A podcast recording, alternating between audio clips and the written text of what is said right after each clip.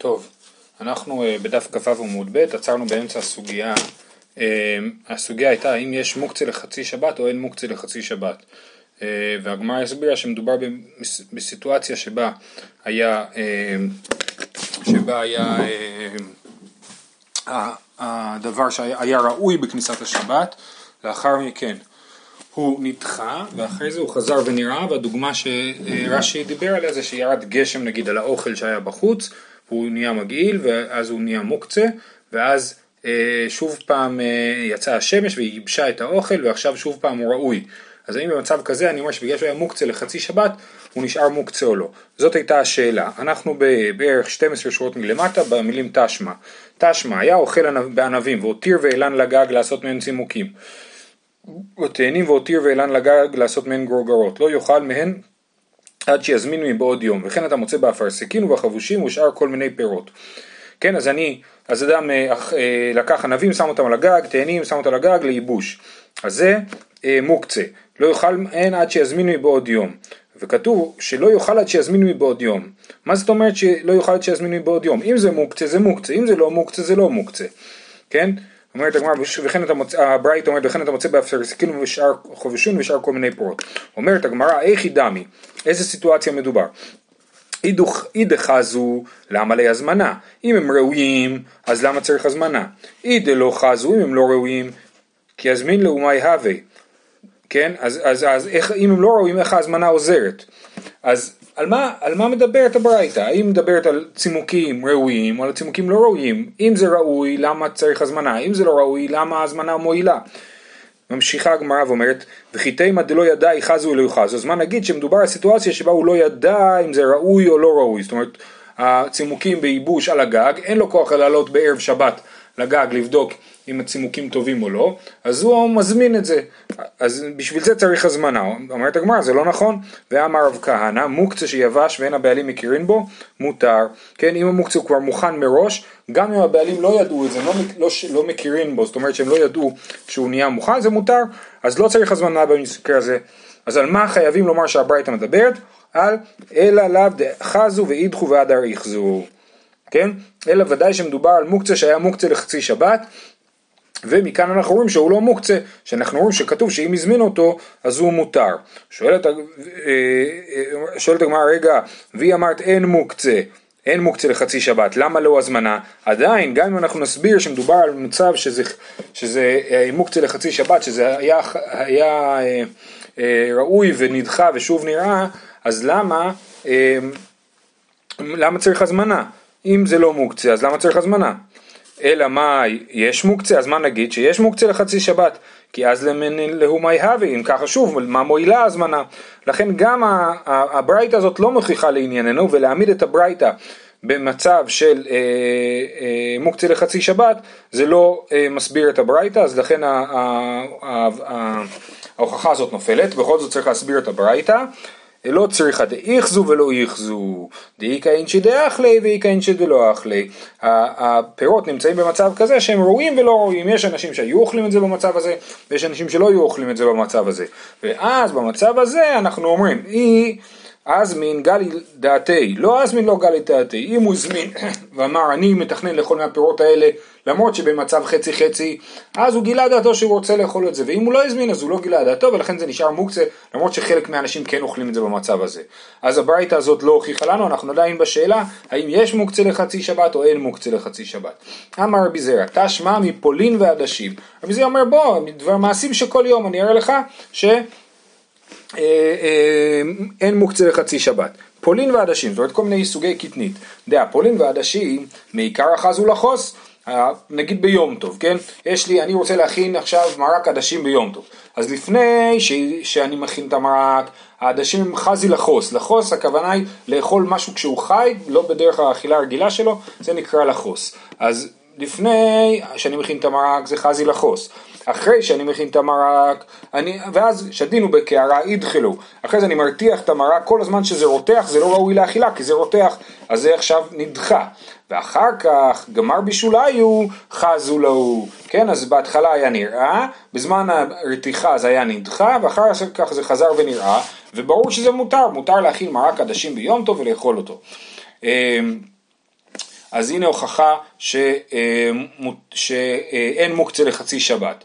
אמר לי אביי, מה פתאום, זה לא הוכחה, ולטעמך תיק שלך קדרות עלמא. אתה טוען שהזמן הרתיחה נחשב לדחוי, אז אם ככה, כל סיר שאני שם על האש בכניסת שבת, שהוא עדיין רותח, אז הוא נחשב לדחוי, אז זה מוקצה, כי מה שהוא מוקצה בכניסת השבת הוא בוודאי מוקצה, כל השאלה שלנו על משהו שהיה ראוי בכניסת השבת ואחר כך נדחה. אז כן, אז בואו נקרא את זה בגמרא, אמר לי אביי לטעם החתיק שלך קדרות דעלמא, דהה סתם קדרות דעלמא בין השמשות רותחות הן. נכון? סתם קדרות הן רותחות בין השמשות, למה? כי הם רצו שיישאר האוכל שלהם חם, אז הם היו דואגים לזה שזה ירתח עד הרגע האחרון, ואחרי זה היו מטמינים את זה, או שמים את זה על תנור גרוף וכתום, כמו שלמדנו במסכת שבת, כן? אה, ולאורתא אכלינא מנהיו, דאור דעלמא בין השמשות רותחות הן, ולאורתא, זאת אומרת בערב כבר אוכלים מנהיו. לכן ברור שרתיחה לא נחשב למצב של נדחה, ולכן ההוכחה מפולין ועדשין היא לא הוכחה טובה. אלא גמרו בידי אדם לא קמי באלן, כן? הדבר שנדחה בידי אדם, שהאדם יש לו שליטה על, על הדחייה, זאת אומרת, אם משהו נגיד רותח, אז יש לאדם שליטה על הדחייה, הוא יכול פשוט להוריד את זה מהאש וזה תיפסק הרתיחה, זה בוודאי לא נחשב למוקצה, כי קמים בא אלן גמרו בידי שמיים. מה שאנחנו שאלנו זה לגבי מצב שגמרו בידי שמיים, כגון תאנים וצימוקים שמתייבשים בשמש, אז תלוי כמה השמש תעבוד טוב, אם היא תהיה חזקה זה יתייבש יותר מהר, אם לא זה לא יתייבש יותר מהר, ולכן לא, בעצם כאן נגמרת הסוגיה, לכאורה בלי מסקנה בשאלה האם יש מוקצה לחצי שבת או אין מוקצה לחצי שבת, אבל השאלה התחדדה והוגדר שזה רק על שאלה של גמרו בידי שמיים ולא על מצב של גמרו בידי אדם. עכשיו אנחנו חוזרים לשאלה המקורית שהייתה לנו, במשנה בדף אה, אה, כ"ה עמוד ב' אה, וכ"ג עמוד א', ראינו מחלוקת בין רבי יהודה לרבי שמעון, האם מותר לראות מומים של בכור ביום טוב. נכון, הסברנו שבכור לכהן, הוא שייך לכהן, אבל אסור לכהן לאכול אותו אם אין בו מום, ולכן כל עוד המומחה לא ראה את הבכור ובדק אם יש בו מום וקבע שזה מום קבוע, אז זה אסור. אז עכשיו הגמרא חוזרת לסוגיה הזאת. רבי יהודה נשיאה, רבי יהודה נשיאה היה הנכד של רבי, הווה ליה ההוא בוכרה, היה לו בכור. שדר לקמי דרבי עמי, הוא רצה לשאול את רבי עמי, אה, אה, רש"י מסביר שהיו לו כהנים אצל רבי יהודה נשיאה שאכלו מהשולחן שלו, אז הוא רצה לשחוט את זה בשביל הכהנים שיש לו בבית. אז, כי רבי יהודה נשיאה בעצמו היה בוודאי מבית דוד אה, כצאצא של רבי. רבי יהודה נשיאה הווה ליהו בוכרה, שדר לקמי דרבי עמי, הוא שלח את זה לרבי עמי שיבדוק לו את המום, סבר דלא לא מכזי. רבי עמי סבר לא, שלא צריך להסתכל על מומים ביום טוב. אה, אמר לרבי, כמו שיטת מי? שיטת אה, רבי שמעון, שחושב שאין רואים מומים ביום טוב. אמר לרבי זריקה ויתם רבי ירמיה, רבי, מה רבי יהודה ורבי שמעון הלכה כרבי יהודה, אתה לא יודע את הכלל שמחלוקת רבי יהודה ורבי שמעון הלכה כרבי יהודה, סימן שההלכה היא כרבי יהודה שמותר לראות מומים ביום טוב. לא עזר, הדר שדר לקמא דרבי יצחק נפחא, רבי יהודה נשיאה שלח עכשיו את הבכור לרבי יצחק נפחא, גם הוא סבר דלא למחזי, אמר לי רבי ירמיה ויתם רבי זריקה, רבי יהודה ורבי שמעון הלכה כרבי יהודה, שוב פעם שואלים אותו, למה אתה לא אומר שהלכה כרבי יהודה? אמר לי רבי אבא, מה איתם לא שבקתינו לרבנן למאה ודובדא כרבי שמעון, כן? הוא אומר, אז רבי אבא שואל את רבי זריקה או רבי ירמיה, אומר רגע למה אתה לא נותן להם ללכת עם רבי שמעון ולהחמיר ולהגיד שאין רואים מומים ביום טוב אמר לי, ואת מה בידך? הוא אומר לו, למה אתה אומר לי את זה? מה יש לך? מה אתה יודע שאני לא יודע? זאת אומרת, לכאורה, דבר פשוט, שלך כרבי יהודה, ולכן ההלכה צריכה להיות, שרואים מומים של בכור ביום טוב. למה אתה מצדד בצד שחושב שלא רואים מומים ביום טוב? אמר לי, אחי אמר רבי זרע, הלכה כרבי שמעון. כן, רבי זרע אמר שהלכה כרבי שמעון. עכשיו זה משונה, מה, איך רבי זרע הולך נגד הכללים, יש לנו כללים, למדנו אותו במסכת עירובין, שמחלוקת בין רבי יהודה לרבי שמעון, הלכה כרבי יהודה ולא כרבי שמעון, אז יש לנו סיפור מעניין, אמר מאן דהוא, מאן דהוא, זאת אומרת יש מישהו אמר, אנחנו לא מצליח, השם שלו לא מתועד, אנחנו לא יודעים מי התלמיד שאמר את הדבר הזה, אבל כך הוא אמר, איזקי ואיסק להתם ואגמר לשמטה מפומי דמרה. זאת אני מקווה לעלות לארץ ישראל ולשאול את רבי זרע בעצמו איך הוא אמר שהלכה כרבי שמעון, על סמך מה הוא אמר את זה. איזקי ואיסק לאטם, אזכה ואעלה לשם לארץ ישראל ואגמרה לשמטה מפומי דמרה. אלמד את השמועה מפי האדון של השמועה. הבעלים של השמועה. כי סליק אשכחי לרבי זר, הגיע לארץ ישראל, מצא את רבי זיר, אמר לי, אמר מר הלכה כרבי שמעון, אתה אמרת הלכה כרבי שמעון שלא רואים מומים של בכורות ביום טוב? אמר לי, לא, אנא מסתברא אמרי. אני לא אמרתי שהלכה כרבי שמעון, אמרתי שמסתבר שהלכה כרבי שמעון. למה? ורבי זיר אומר, אני גם אסביר לך, מדקתני במתניתין רבי שמעון אומר, כל שאין מומו ניכר מבעוד יום אין זה מן המוכן. אז כן, לשון המשנה שקראנו בדף אה, אה, כ"ו עמוד א', רבי שמעון אומר, כל שאין מומו ניכר מבעוד יום, אין, אין זה מן המוכן, וקטני לה בברייתא בלשון חכמים. אנחנו אתמול ראינו אה, את הברייתא של רב הושעיה, שאמר, חכמים אומרים, אין זה מן המוכן. זאת אומרת, שיטת רבי שמעון בפיו, בברייתא של רבי הושעיה, מוצגת כחכמים, זאת אומרת, כדעת הרבים. אז אם ככה, בגלל שזה כתוב בלשון חכמים, מסתברא, שמע מינא מסתברא כבתי, אז סימן שבאמת חשבו ככה שהלכה כמותו, כמו רבי שמעון, ולכן שנו את שיטתו בתור שיטת הרבים, שיטת חכמים. טוב, אז אין לנו מסקנה עדיין, רבי זר אמר הלכה כרבי שמעון, גם הביא נימוק מעניין לעניין, אבל זה לא אה, מסקנה סופית, מה יהווה עלה? מה המסקנה? שואלת הגמרא, אמר רבי יוסף תשמע, בוא אני אגיד לך מה המסקנה. דתליא באשלי רב רבי, תדע לך שהדבר הזה תלוי בחבלים גדולים, כן? זאת אומרת זה תלוי בשאלות נוספות. דאמר רבי שמעון בן פזי, אמר רבי יהושע בן לוי, אמר רבי יוסי בן שאול, אמר רבי משום קהלה קדישא דבירושלים, רבי שמעון וחבריו אמרו הלכה כרבי מאיר. אז אה, יש פה בעיה קצת בגרסאות, בכל אופן יש פה שלשלת מסירה, כן? וכתוב בסוף רבי שמעון וחבריו אמרו הלכה כרבי מאיר, אה, אה, רש"י גרס פה רבי שמעון בן מנסיה, כן, ואתמול ראינו שרבי שמעון בן מנסיה אמר כרבי שמעון, שאסור לראות מומים של בכורות ביום טוב, אז בואו נגרוס פה רבי שמעון בן מנסיה בשביל להבין את ההמשך. אה, אמרו והיינו קשישי מיני טובה, איך יכול להיות שקהל הקדישא בירושלים אמר רבי שמעון בן מנסיה וחבריו אמרו לך כרבי מאיר הרי הם הרבה יותר זקנים מרבי שמעון בן מנסיה אז לא סביר שהם יגידו את זה. אלא מתרצת הגמרא בשיטת רבי מאיר אמרו זאת אומרת הם אמרו שמה שרבי שמעון בן מנסיה אמר זה דומה לשיטת רבי מאיר זאת אומרת רש"י מסביר שאומנם הם הכירו אותו כתלמיד צעיר לכן הם לא אמרו שההלכה שרבי שמעון בן מנסיה אמר היא כרבי מאיר אלא אמרו הרעיון שרבי שמעון בן מנסי אמר דומה לשיטת רבי מאיר. בכל אופן, טוב, אז זה דיון צדדי. לענייננו מה שחשוב זה שיש פה זיהוי בין שיטת רבי שמעון ורבי שמעון בן מנסיה, שאומרים שלא אה, אה, לא רואים מומים שבכור ביום טוב, לשיטת רבי מאיר.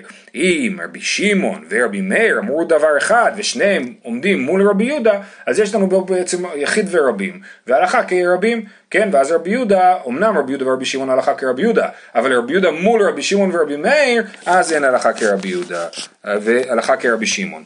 אז למה אנחנו חושבים שרבי שמעון אומר כמו רבי מאיר? מה רבי מאיר אמר שדומה לדברי רבי שמעון? דתנן, השוחט את הבכור ואחר כך הראה את מומו. יש יהודי, במקום להראות את המום לדיין, שיגיד לו אם מותר לשחוט את הבכור או אסור, כהן, הכהן הזה קודם שחט את הבכור, אחרי זה הלך לדיין, לרב ואמר לו הנה זה הבכור ששחטתי ותראה יש בו מום. אה, רבי יהודה מתיר ורבי מאיר אומר הואיל ונשחט שלא על פי מומחה אסור אז רבי יהודה אומר זה בסדר לא נורא שחטת קודם את הבכור עכשיו תלך תראה את זה למומחה והמומחה יתיר לך את הזה. ורבי מאיר אומר מה פתאום? זה אסור אסור, אה, אה, הבשר נאסר בגלל ששחטת אותו לפני שהראית אותו למומחה. אומרת הגמרא, עלמא כסבר ברבי מאיר, ראיית בכור לאו כראיית טרפה, ראיית בכור מחיים, ראיית טרפה לאחר שחיטה. זאת אומרת, לפי רבי מאיר יש הבדל בין ראיית בכור לראיית טרפה. ראיית טרפה, שוחטים את הבהמה ואז מוצאים שם איזושהי שאלה בדיני טרפות, אז מראים אותו לבודק, למומחה לענייני טרפות, והוא בודק ואומר אם זה כן טרפה או לא טרפה. רבי יהודה חושב שאותו דבר גם לגבי בכור, שחטתי את הבכור, עכשיו מראים את זה למומחה, ואומר אם זה, אם זה בכור בעל מום או לא בעל מום, וזה בסדר גמור. רבי אומר אומר לא, ראיית טרפה וראיית בכור הם שתי דברים נפרדים. ראיית בכור היא שונה להלכה מראיית אה, אה, טרפה, שראיית בכור מחיים וראיית טרפה לאחר שחיטה, ומינה אומרת הגמרא, ראיית טרפה אפילו ביום טוב וראיית בכור מערב יום טוב. ולאור זה רבי מאיר חושב כמו רבי שמעון ש... אה, אה, לראות בכור ביום טוב, כי באמת רבי שמעון, הסיבה שהסברנו לפי רבי שמעון שאסור לראות בכור, מומים של בכור ביום טוב, כי זה נחשב לד, ל, ל, לשני הסברים שרש"י אמר, אחד זה שזה נחשב לתיקון, והשני שזה נחשב ל, לדין, שאסור לדין, אסור לעשות דין ב, ביום טוב, זה נחשב לדין. אז, אה, אז אנחנו אומרים שרבי מאיר חושב שאסור לבדוק את המומים של הבכור אחרי השחיטה, סימן שהוא חושב שזה באמת סוג של תיקון וסוג של דין לראות את המומים של הבכור, סימן שרבי מאיר מסכים עם רבי שמעון. שניהם חושבים שראיית מומים של בכור היא דבר, פעולה דרמטית, ופעולה כזאת דרמטית אסור לה להיעשות ביום טוב עצמו והיא צריכה להיעשות לפני יום טוב. אז רבי מאיר ורבי יהודה, רבי שמעון אמרו דבר אחד, וחלקו על רבי יהודה. וזאת, ככה טען רב יוסף. אביי חולק עליו, אמר לאביי, אטו הטעם ברואים מומים פליגי, בקנסה פליגי, המחלוקת שלהם היא בכלל לא לגבי רואים מומים, אלא לגבי שאלה של קנס. דאמר בר בר בר חנא אמר רבי יוחנן, בדוקין שבעין כולי עלמא לא פליגי דאסור, משום דנשתנין. רבי יוחנן הסביר שמחלוקת רבי יהודה ורבי מאיר האם מותר לראות מומים אחר שחיטה זה לא נכון לגבי דוקין שבעין. אם יש איזשהו פצע בעין או משהו בעייתי בעין שבגללו אנחנו נתיר את הבכור זה מודה רבי יהודה שאחר השחיטה אי אפשר לבדוק את הדבר הזה כי זה משתנה. אחרי השחיטה מיד משתנה משהו בעין ואי אפשר לבדוק את זה. לכן ברור שאי אפשר לבדוק אחר שחיטה דוקין שבעין. אז על מה הם נחלקו? אה, כולי, כי פליגי במומין שבגוף. רבי מאיר סבר גזרינן מומים שבגוף עטו מומים שבעין, ורבי יהודה סבר לא גזרינן. בעצם בכלל רבי מאיר החמיר לא, לא, לא לבדוק מומים אחרי השחיטה, כי הוא גזר משום מומים שבעין. זאת אומרת, זה לא אמירה עקרונית שיש בעיה מהותית לראות בכור, מומים של בכור לאחר השחיטה, אלא זה רק גזירה, משום שמא תבוא לראות מומים שבעין לאחר השחיטה. ורבי יהודה סבר שלא גוזרים, הנה, רבי מאיר סבר גזרינן מומים שבגוף עטו מומים שבעין. מים, ורבי יהודה סבר לא גזרינן. אז זה בכלל לא קשור לרעיונות של רבי שמעון, שזה נחשב לדין ול, ולתיקון. אמר רב נחמן בר יצחק מתניתי נמי דייקה גם המשנה שבה הובאה שיטת רבי מאיר שהיה כתוב במשנה השוחט הבכור ואחר כך אחרת מומו רבי יהודה מתיר רבי מאיר אומר הואיל ונשחט שלא על פי מומחה אסור אז הניסוח הזה הוא לא אמר רבי מאיר אוסר כן, כי הוא חושב שזה באמת אסור, הוא רק נתן איזשהו נימוק, הואיל ונשחט שלא על פי מומחה אסור, סימן שהוא חושב שזה גזירה ולא אה, אה, מעיקר הדין, הנה נקרא את זה פה, מתניתי נמי דייקה דקתני רבי מאיר אומר הואיל ונשחט שלא על פי מומחה אסור, שמע מינה קנסה הוא דקקניס, שמע מינה, אז נפלה ההוכחה של רב יוסף ואנחנו לא טוענים שרבי מאיר סובר כמו רבי שמעון בשאלת ראיית מומים ביום טוב, אז אנחנו עדיין לא יודעים מה ההלכה. עמי ורדינה חזי בוכר דבי נשיא הווה, כן, עמי ורדינה זה שם של יהודי, או שהוא היה יפה כמו ורד, או שהוא היה ממקום שנקרא ורדינה, אה, אה, הוא היה, התפקיד שלו לראות את הבכורות בבית הנשיא. אה, וביום הטבע לא אהבה חזי, ביום טוב הוא לא היה רואה מומים של בכורות ביום טוב, הוא לא היה רואה. אמרו לי, עטו ואמרו לי לרבי עמי, סיפרו לרבי עמי שהמברדינה לא רואה מומים ביום טוב, אמר לו שפיר כביד דלא חזי, זה דבר נכון, ככה צריך לעשות, לא צריך לראות מומים ביום טוב. שואלת הגמרא, רגע, והיה רבי עמי גופי חזי, רבי עמי בעצמו היה רואה מומים, למרות שבתחילת העמוד ראינו שרבי עמי לא רצה לראות, שדר לקמר דרבי עמי ולא סבר דלא למחזי, כן, אבל הגמרא יודעת שכן רבי עמי כן היה רואה מומים ביום טוב, אז למה הוא אמר שזה היה דבר נכון לא לראות מומים ביום טוב? תשובה, רבי עמי כי חזי מאתמול אבה חזי, וביום טוב שהיו לי כמה שיל, כן? אה, איכי אבה עובדה. אה, זאת אומרת, רבי עמי הסתכל על המום מערב יום טוב, אבל הוא לא פסק הלכה, ואחרי זה, ביום טוב בעצמו, הוא היה מתעניין מה קרה שם בדיוק. למה זה חשוב למה קרה שם בדיוק? תכף נראה. כי עד ההוא גברא דהייתי בוכר לקמי דרבה, יש לנו סיפור דומה על רבה. אדם אחד הביא בכור לרבה, הפניה דמעלי יום הטבה, כן, בערב היום טוב, הווייתיב רבה וכחי פריישי, הוא היה באמצע לחפוף את הראש כמו הלל הזקן בערב שבת, כן, אז הוא הביא לו פתאום ככה באמצע האמבטיה, הוא מביא לו את הבכור, דוחף לו את הבכור לאמבטיה, דלי עיני וחזי למומי, אמר לי זילה עידנא ותלה מחר, הוא הרים את העיניים, הסתכל על הבכור ואמר יופי, לך תחזור מחר. למחר כי עתה למחר אמר, היכי אהבה עובדה, תספר לי מה היה שם בדיוק, שגרם למום הזה, אה, אמר לי, הווה שדיין שערי בהך גיסא דהוצא והווה איהו באידך גיסא בהדי דבאי למיכי איל רישי ופרטי הוצא לסבתי. אה, אה, הבכור היה בצד אחד של הגדר, גדר קוצים כזאת, בצד השני היה אוכל, והוא דחף את הראש שלו דרך הקוצים בשביל לאכול מה...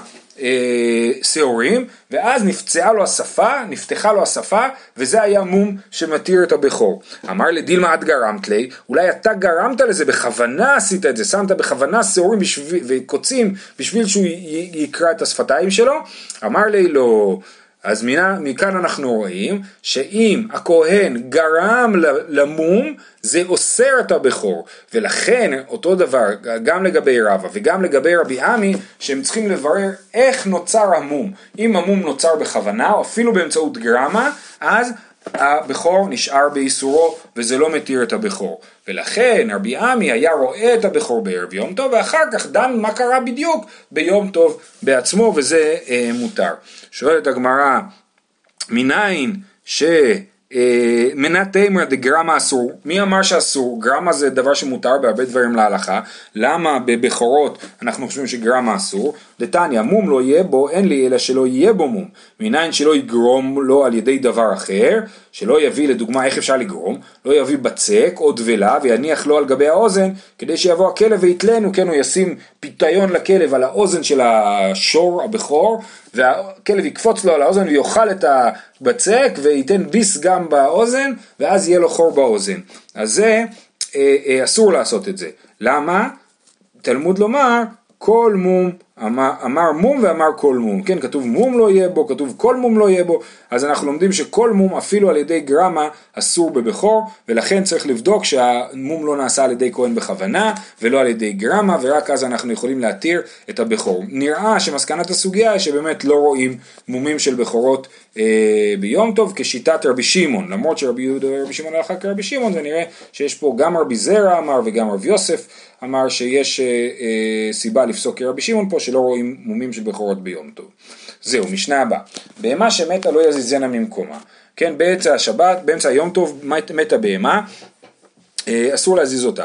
ומעשה ושאלו את רבי טרפון עליה ועל החלה שנטמאת, היה אה, גם בהמה שמתה וגם חלה שנטמעה ואז הכהן לא יכול לאכול אותה ביום טוב. נכנס לבית המדרש ושאל הוא בעצמו לא ידע את התשובה אז הוא הלך לברר בבית המדרש. אמרו לו לא יזיז ממקומם וזה מה שאמרו לו שאסור להזיז ממקומם גם חלה שנטמאת וגם בהמה שמתה. אומרת הגמרא עלי מתנן סתמא דלא כרבי שמעון שזה משנה שממש נגד רבי שמעון, דתניא, רבי שמעון אומר מחתכין את הדלויים לפני הבהמה ואת הנבלה לפני הכלבים, לפי רבי שמעון מותר לחתוך נבלה לפני כלבים ביום טוב, אולי אפילו בשבת, סליחה, אז סימן שהוא חושב שבמה שמתה היא לא מוקצה, אז למה כתוב במשנה במה שמתה לא יזיזנה ממקומה, אלא חייבים לומר שהמשנה שלנו היא לא כרבי שמעון. אה, מחתכים את הנדלויים לפני הבהמה ואת הנבלה לפני הכלבים, רבי יהודה אומר אם לא הייתה נבלה מערב שבת אסורה כן, רבי יהודה חושב שיש מוקצה, לכן אם היא לא התנבלה מערב שבת זה אסור, אבל ואם זה יתנבל בשבת רבי שמעון מתיר רבי יהודה אוסר. אומרת הגמרא אפילו תימא רבי שמעון, יכול להיות שגם המשנה שלנו היא כרבי שמעון, מודה רבי שמעון בבעלי חיים שמתו שאסורין. רבי שמעון מודה שאם בעל חיים מת ביום טוב או בשבת, אסור להזיז אותו. אה, אבל רגע, רבי שמעון אמר שמחתכים את הנבלה לפני הכלבים, והוא חלק על רבי יהודה שאמר אם לא הייתה נבלה מערב שבת, אז רש"י מסביר שלפי התירוץ הזה, אנחנו אומרים שמה שרבי שמעון התיר לחתוך נבלה לפני הכלבים זה רק בהמה שהייתה מסוכנת מערב השבת. זאת אומרת בהמה הייתה כבר מערב שבת היא נטטה למות, ו...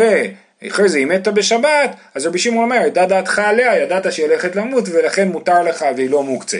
אבל אם בהמה בריאה לחלוטין פתאום מתה בשבת, חטפה התקף לב ומתה בשבת, אז אסור להזיז אותה אה, גם לשיטת רבי שמעון.